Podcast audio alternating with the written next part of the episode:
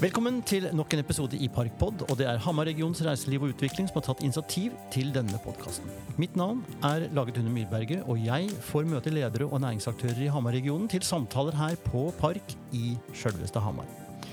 I denne episoden og i denne sesongen så er podkastens hovedtemaer tre stykk. Det er samarbeid, forretningsmodeller og bærekraftsmålene.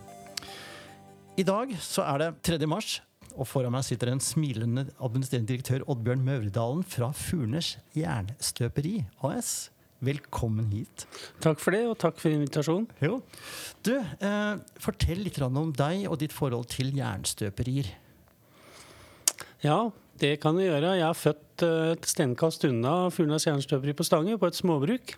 Så jeg kjenner jo bedriften, kjente jo mange som jobbet der mm. tidlig. Og det er mange som jeg gikk sammen med på skolen, som jeg har som kollegaer der i dag. Nemlig? Folk i familien din nå, eller? Nei, ikke familien nå. Men det var jo en del uh, i familien eh, tidligere som jobba på gamle Hamjern. Så jeg hadde jo to onkler som jobba på Hamjern-området, ja. på støperiet på Hamar.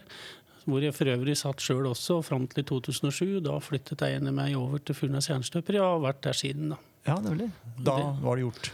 Da var det gjort. Ja. Uh, og eh, Bakgrunnen for det er i utgangspunktet at jeg er utdanna innenfor vei, vann og avløp, altså kommunalteknikk. Ja.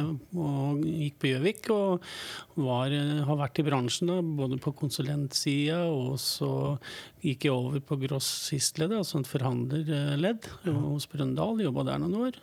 Og da kom jeg også enda mer i kontakt med da kumlokk og rammer og sånt til vei, vann og avløp, som var en av produktene vi forhandla og solgte. Ja. Og så ble jeg kjent med familien Øyovden. Ja. Og så ble jeg da tilbudt en jobb hos dem. Eh, de skulle da ha litt fornyelse i salg av markedsdelen, så jobba jeg med det fram til 2011. Og jeg har også vært innom andre grossister, men jeg har det siden 2001. Da, så har jeg da jobbet eh, med støpjernsprodukter eh, fram til de solgte bedriften sin i 2019. Og så ble jeg da med over til den nye eiere AVK-gruppen og tok over som administrerende direktør i 2011. Ja. Og Hvor mange ansatte har dere nå, da? Nå er vi 145 ansatte på fabrikken på Stange. Ja, ikke sant. Og så er det altså eh, historiske linjer tilbake på slutten av 1800-tallet? Det er det. Det var jo eh, sånn at uh, Hamar jernstøper, altså Hamjern, ja. kom jo i forbindelse med byggingen av Dovrebanen. Mm. Det er et Bessbarn-område? Ja, stemmer. Mm. Og så uh, jobba jo da familien da inn i det systemet med Munch, og så kom de inn, og så hadde, var det familien Ree Lindstad som starta Furnas Jernstøper i 57 på Globus-området på gamle Furnas, det som ja. i dag er Ringsaker. Ja, 1957. 1957 ja, bare for de lytterne som umiddelbart tenkte på midten av 1800-tallet? Nei. Nei. Så det er derfor det heter Furnes. ikke sant? Mange lurer på hvorfor det heter Furnas som ligger i Stange. For de som er lokalt kjent. Så flyttes det da til eh, uthus der vi er i dag, i 1967. Eh, og så ble da Ree Lindstad de, det ble kjøpt opp eh, da av familien Øyovden, da, Harald Øyhavn.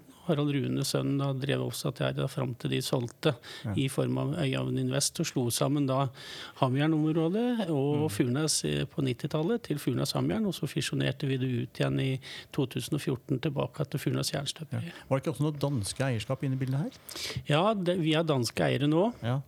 Slik at I Fra 2019 så eies vi av AVK-gruppen, men eh, Øyhovden Invest de kjøpte Randers Jernstøperi i 1988. Okay. Slik at de eh, ville da etablere seg innenfor det som da var EU-grensa den gangen, i og med ja. at Norge ikke var en del av EU.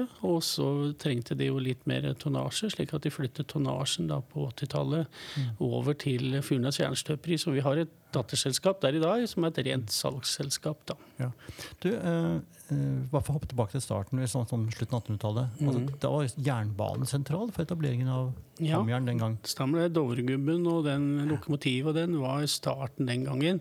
Ja. Eh, både du og jeg var jo ikke så veldig aktive i yrkeslivet da, så det er sikkert noen andre innen Family familien Øyhovden eller andre som kanskje kan gi deg mer info rundt det. Men Furnes har i hvert fall vært en del av det Hamjern-området i mange mange år, på bakgrunn av at vi har hatt felles eierskap. da. Det er litt artig at Dobbeltgubben nå står på Jernbanemuseet. Ja, absolutt. Og Det er jo dette her som er det fine med støpjern. Det, det, varer jo evig. Det er jo mm. solid. Ja. Det ruster ikke så lett? Nei. Det, vi har både høy, solid produkt og høy soliditet. Veldig bra. Vi skal over i dagens første tema. Samarbeid. Dere må jo åpenbart være opptatt av samarbeid for å klare å ta over og fusjonere opp gjennom over 100 år. Mm. Eh, hvordan påvirker det bedriftskulturen for de over 140 ansatte og eierskap og hvordan dere nå jobber? Vi eh, prøver å være veldig aktive utover egen bedrift. Eh, våre tidligere eiere eh, har vært veldig aktive innenfor bransjeforeningen, det som før het Teknologibedriftenes Landsforbund, altså TBL, og det som var PIL, som i dag heter Norsk Industri og NHO. Der var både de forrige eierne våre og jeg har vært aktiv der i, i mange år. Og det samme gjelder Vikinglauget, mm. som vi er aktive i, hvor jeg sitter i styret i dag. Ja, for det er, det er regionalt? Det er regionalt. Ja. Og det samarbeidet der vil gjøre at vi kan være med å være litt påvirkere overfor både myndigheter og overfor politikere ellers, og samfunnet, hvor vi på en måte kan kanskje bety en forskjell. da. Ja, ja for dere er jo en solid arbeidsgiver eh, her på Hedmarken. Unnskyld, nå heter det vel Innlandet? Ja, vi er ja. veldig glad. Jeg ble spurt av Henning i HA, ja. som for flere av de andre, og var veldig tydelig på at Innlandet er det riktig. Så jeg er veldig ja. glad for at vi fikk bibeholde det, og bruke ressursene på innbyggerne og ikke på nye prosesser. Og det er litt overført til oss som bedrift også. Vi må på en måte hele tida tenke på hva vi kan yte, og ikke hva vi skal administrere. Nei. Samtidig så er det jo det å kunne samarbeide med bevilgende myndigheter og få anerkjennelse som en næring på Innlandet opp mot f.eks. Eh, strømpriser. Mm. Hva tenker dere der, da? Jo, Vi har samarbeidet nå ganske tett med NHO Innlandet, Jon Kristiansen som er direktør der, og også på nasjonalt uh, nivå, hvor vi på en måte føler at uh, når staten har så høye inntekter, og vi er jo en kraftkrevende industri, vi ja. bruker 16 millioner watt i året, mm. så det er en ganske stor betydning for oss. I tillegg til råvarekostnader, så ønsker jo vi å kunne holde oss konkurransedyktige, og at uh, vi syns det er merkelig at ikke vi skal kunne få en kompensasjon så lenge staten har så høye inntekter. For dette her vil jo påvirke både lønnsoppgjør, inflasjon og rammebetingelsene våre, som også er en del av det vi skal snakke om i dag. Ja.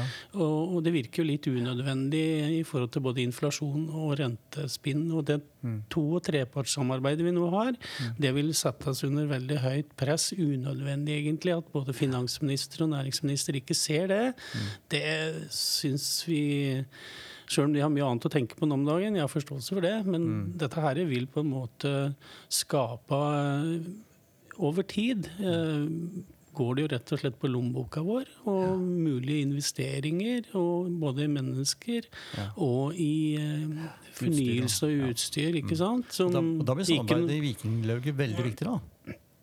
Ja, det er viktig at vi som på en måte da er eh, premissgivere på dette innenfor industri, der har vi jo med mange av de store som er dominerer på Innlandet, som har mye av de samme utfordringene. Ja. Hvilke, hvilke bedrifter er det? Ja, Der er det jo eh, med veldig mange. De som sitter i styret nå, det er jo er fra Utstillingsplassen, og så er det fra Norsk Tipping, og så er det fra Sparebanken Østlandet. Og så er det fra Evry, og så er det meg, i dag. Er Langmoen og Nammo sånn med her da? Eh, Nammo er ikke med, men eh, Moelven er jo de andre store der er jo ja. i utgangspunktet også assosiert og er jo en del av, av, av det her. Og, men de, de, største for så vidt sånn sett i dag er vel Eidsiva, da. Ja, nemlig. Mm. Ja, Det er viktig å samarbeide for å være i posisjon til å markere Innlandet som en industriområde, det også. Det er ganske stor konkurranse med tenk på skipsfart, fiske, eh, oljeindustri på, langs hele kysten. Ja. Det vi har størst utnytta, og som er viktigst for oss alle på Innlandet her, det er å få opp eh, infrastruktur og samferdsel. Ja. Så det har vi jobba veldig mye med. Sørlig? Eh, ja, Sørlig transportterminalen er, er, viktig for oss i Innlandet. Spesielt ikke bare for Stange, men for hele Østerdalen og Gudbrandsdalen. Mm. Uh, og det er jo sett fra mitt ståsted. Så jeg har jobbet og vært med i, i næringsrådet i Stang kommune i forrige periode, i litt over fire år. Og ja. har jo satt meg en del inn i det. Og jeg syns jo det at et ekstra spor ut på Sørli ikke skal kunne realiseres sammen med Bane Nor, når vi først skal ta den investeringen, virker jo ikke mye framtidsretta. Samme gjelder jo rv. 5 mellom Løten og Hamar, som vi må få ferdigstilt, slik at vi får en bedre struktur. Og så har vi jo det evige spørsmålet, selvfølgelig. Det er jo jernbanen, dobbeltsporet, ja. som alle kjenner til. Mm. Som vi må få en løsning på. Det gjelder jo da videre inn i dobbeltsporet opp til Dovrebanen, og ikke minst elektrifiseringen av Rørosbanen også. Det er masse ting som vi må jobbe med for at vi skal bli ut av oljeskyggen i forhold til infrastruktur og næring og samferdsel. Du, Vi skal bevege oss over til neste tema. Og da er det forretningsmodeller. Du sa når vi snakka sammen før vi begynte opptaket, at dere er en konservativ bransje. Ja. Kan dere fortsette å være det? Vi har jo utfordringer i bransjen i forhold til vareflyt og verdikjeder. Mm. Eh, også dette her med miljøsituasjonen når vi gjelder produksjon. Det har jo blitt mye fokus nå rundt dette her med fotavtrykk, CO2 og alle de tingene som ligger der. Så vi må fornye oss, eh, ikke bare når det gjelder hvor varene skal gå hen i kjeden, men mm. også at vi må på en måte være opptatt av å ha minst mulig belastning på det vi produserer og det vi leverer inn i eh, natursammenhengen. Ja. Det er viktig. Ja, for Vi har jo det med kraftkrevende industri, som du sa at dere jo representerer og er. Ja. Og så vet vi at eh, det er interesse, eller et ganske klart eh, mål om å elektrifisere sokkelen. Er det noe tilsvarende fokus på deres bransje? Eh, nei, ikke akkurat når det gjelder den elektrifiseringen. Vi er jo for så vidt elektrifisert i dag.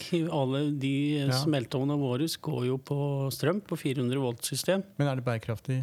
Ja, det er det. For vi går jo på vannkraft i forhold til mange andre som går på, på køl og på ikke fossilt brennstoff, ja. kan du si, som vi har. da. Mm. Så har jo vi 100 eh, vannkraft, som da er CO2-avtrykksfritt. Ja. Slik at vi driver jo en veldig produksjonsvennlig situasjon i forhold til å belaste samfunnet med mm. riktig energi. I tillegg til at vi er en gjenvinningsbedrift. Vi smelter jo om igjen veldig mye innenfor skipsindustrien, jernbane, ah. Eh, sviller og hjul og sånne ting, som vi da på en måte da får gjenbruk. Det er jo mm. det dette dreier seg om. Før så var det sånn fra vugge til grav, men nå vil vi helst ikke ha det i grava, ikke sant? Vi skal mm. ha det vekk fra grava, ha det fra vugge til vugge. Ja. Så der bidrar jo vår produksjon veldig mye, både i forhold til energi og det med gjenvinning, da. Ja året under ett, i 21, så hadde vi faktisk 100 Eh, økning. Men siste halvåret så var det 200% økning. Og vi har jo kundeavtaler. Det er jo liksom ikke bare å møte på kunden og legge regninga på bordet til. Og samme har vi råvarer på mellom 30 og 60% Og det til sammen her gjør at det blir veldig krevende. Ja, hvilke marginer skal ikke du ha da i utgangspunktet for å dekke opp sånne justeringer? Ja, nå har vi for så vidt vært heldige i mange år, så vi har hatt tosifra driftsresultater og hatt ja. Eiere som har vært interessert i å investere i oss. Mm. Så vi har greid å få gjort en del med tilvirkningskoster og sånne ting, men dette her er vi jo ikke beredt på å kunne svelle. Så vi må jo legge prisstigninger ut i markedet på 18-20 eh, Nå er jo det lite, kan du si, i forhold til trelast og en del andre som vi er kjent for her på Innlandet. Ja, men vi jobber i et internasjonalt marked. Vi eksporterer jo 55% av det vi driver med. Akkurat, så vi kan ikke som en del andre liksom bare la den norske oljelommeboka på en måte betale det her. Vi skal jo konkurrere globalt. Ja. Bandet Dog har en merchandise som er et kumlokk på 40-50 kilo og koster 50 000 kroner. Er det noe som dere har bidratt med å lage, eller? Det er en, en uh, annet støperi i Norge som heter Ulefoss Jernverk, som lagde det produktet. Så, sånn er det. Mm. Vi er jo for så vidt to store aktører i, i Norden, så det var en ren tilfeldighet. Men det vi hadde, som ja. vi har brukt mye av energien vår på, kan du si innenfor det segmentet, da, som ikke er rent industrielt, mm. det er jo et samarbeidsprosjekt som vi fikk eh, forespørsel fra Ida Ekblad, som også nå har en relasjon lokalt her ja, i Hamar. Gift med sønnen til Knut Fallbakken. Stemmer. Så hun er jo en, både en internasjonalt og internasjonalt kjent kunstner kom til oss og lurte på om vi kunne lage noe i støpejern. Så vi gjorde et samarbeidsprosjekt med henne som var også nokså teknologisk eh, litt krevende i forhold til hennes eh, krav og ønske om produkter. Ja. Så det ble en form for noen støpejernsovner og installasjoner som vi brukte både CNC, eh, datateknisk dapping og dapping, og vi måtte inn med 3D-printing, altså 4.0 digitalisering, for å få det her til. Og lagde det. og vi har da har fått lov til å være med med de produktene til henne da, inn på Kunstnerens hus, og har hatt ganske stor eh, oppmerksomhet rundt det. Og Det er jo et ja. uh, interessant prosjekt, og det gir oss også litt perspektiver utover det daglige, og litt samfunnsmessig også interessant. Apropos det, så vet jeg at nede i Kristiansand så har de hatt noen sånne gjennomsiktige kumlokk. Ja. Også samarbeid med kunstner. Stemmer det. Ja. Det har vi hatt, og det har vært veldig interessant. Fordi mesteparten av vår bransje ligger under bakken og er usynlig. Ja. Så det var en kunstner som kom til oss og lurte på om vi kunne på en måte designe et kumlokk som på en måte kunne ha en bæreevne da, kan du si, for glass. Og i Sverige nå så har vi hatt veldig stor eh, fokus sammen med noen eh, forfattere som har laget poesi på lokk. De har laget eh, dikt og tekst. Uh, begynte med Göteborg, og så har vi nå kommet ned i Skåne og Malmö, hvor det på en måte da står spesielle tekster på lokkene som da kan assosieres med den byen. Og, og det blir liksom et, et smykke, da. Her må Rolf Jacobsens eh, stiftelse komme på banen og ja, ta kontakt med dere. Ja, vi tar gjerne den hansken videre, vi. Det er veldig interessant. og er jo litt positivt og gir jo litt visuelt uh, hyggelige ting i bybildet. da. Ja. Vi skal ta det som en liten overgang til neste tema. Vi snakka jo nærmest om eh, kulturell bærekraft, men eh, la oss ta bærekraft på alvor. Hvordan jobber dere og tilnærmer dere dere de 17 bærekraftsmålene som FN har satt som eh, overordna mål? Ja, vi har jo i og med at vi jobber mye internasjonalt, så vi, var vi tidlig inne med dette her med global impact, altså de mm. FN sine bærekraftmål som vi har jobba veldig mye med. Og så har jo EU nå i forbindelse med den 2030-årsmålet som vi satte i EU, ikke sant, med ja. miljø, også fått en del uh, krav på bordet. Så vi var tidlig inne med noe som heter EPD, altså Environmental eh, Product Declaration, ja. som i utgangspunktet da er en EPD, som vi kaller en forkortelse, mm. som er en ISO-standard 14025, som er basert på EU. Hele tanken med det er at når du skal kunne sammenligne hva det koster å lage miljømessig, da, ja. et, et, et, tonn jern, ja. så skal vi kunne på en måte dokumentere det overfor de vi gir tilbud og anbud til. Slik at vi har laga en miljødekorasjon på ett uh, tonn gråjern og ett tonn seieren, som har litt forskjellige materialkvaliteter. da. Det vil si at når staten da skal bygge et veiprosjekt, f.eks. nå her oppe med Mjøsbrua og opp til eh, Ringebu og Lillehammer, ja. så bør jo de forespørre da på en viss verdi av anbudsvurderingen, sånn som dansker og en del svensker har gjort, opp til 20-30% av verdien på det tilbudet, så skal måles da opp mot et miljøsertifikat, som da går på LCA, som er et, et regnskap som du måler av transparent spesielle verdier, som gjør at vi får lavest mulig negativt avtrykk på miljøet i forhold til det vi produserer. Ja, og Det var vi den første støpere på i Nord-Europa, faktisk. Og vi var den første i bransjen vår. Ja.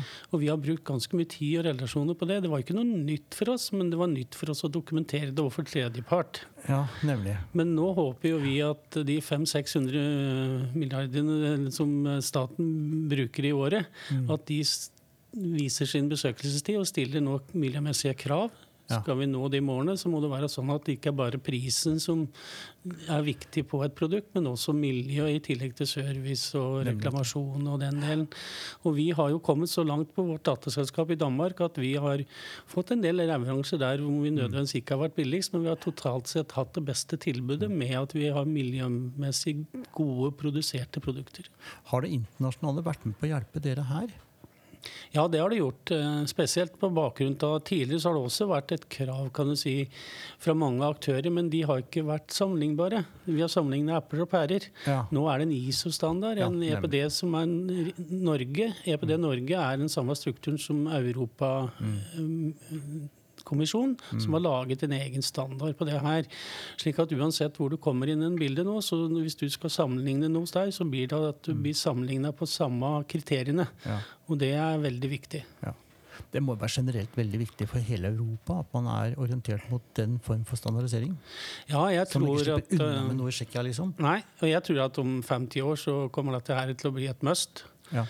Og Det at vi var tidlig ute, gjør at vi har veldig positiv dialog med forhandlerne våre. Eh, under ellers like forutsetninger så blir vi prioritert å være på lager hos dem, og de bruker oss som et springbrett ut for sine kunder igjen. med at se her, Furnes de har de og de tingene, de er i riktig posisjon. Bruk Furnes under ellers like vilkår.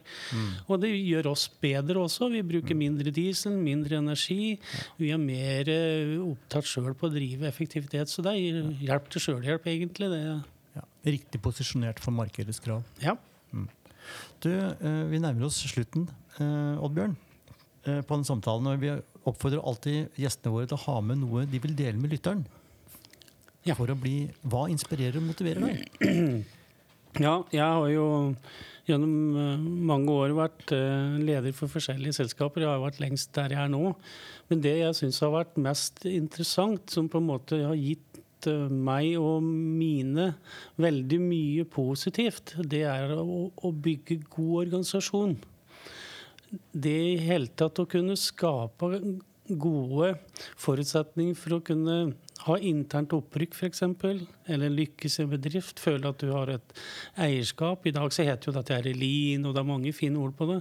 Men det å kunne ha sånne kjerneverdier som respekt, eh, pålitelighet, ærlighet og involvering, hvis du kan praktisere det Sånn som hos oss, så har vi den samme ledergruppa nå som vi starta i 2011. Kanskje ikke så veldig sexy og eh, kjekke lenger. Litt sånn grå distingverte.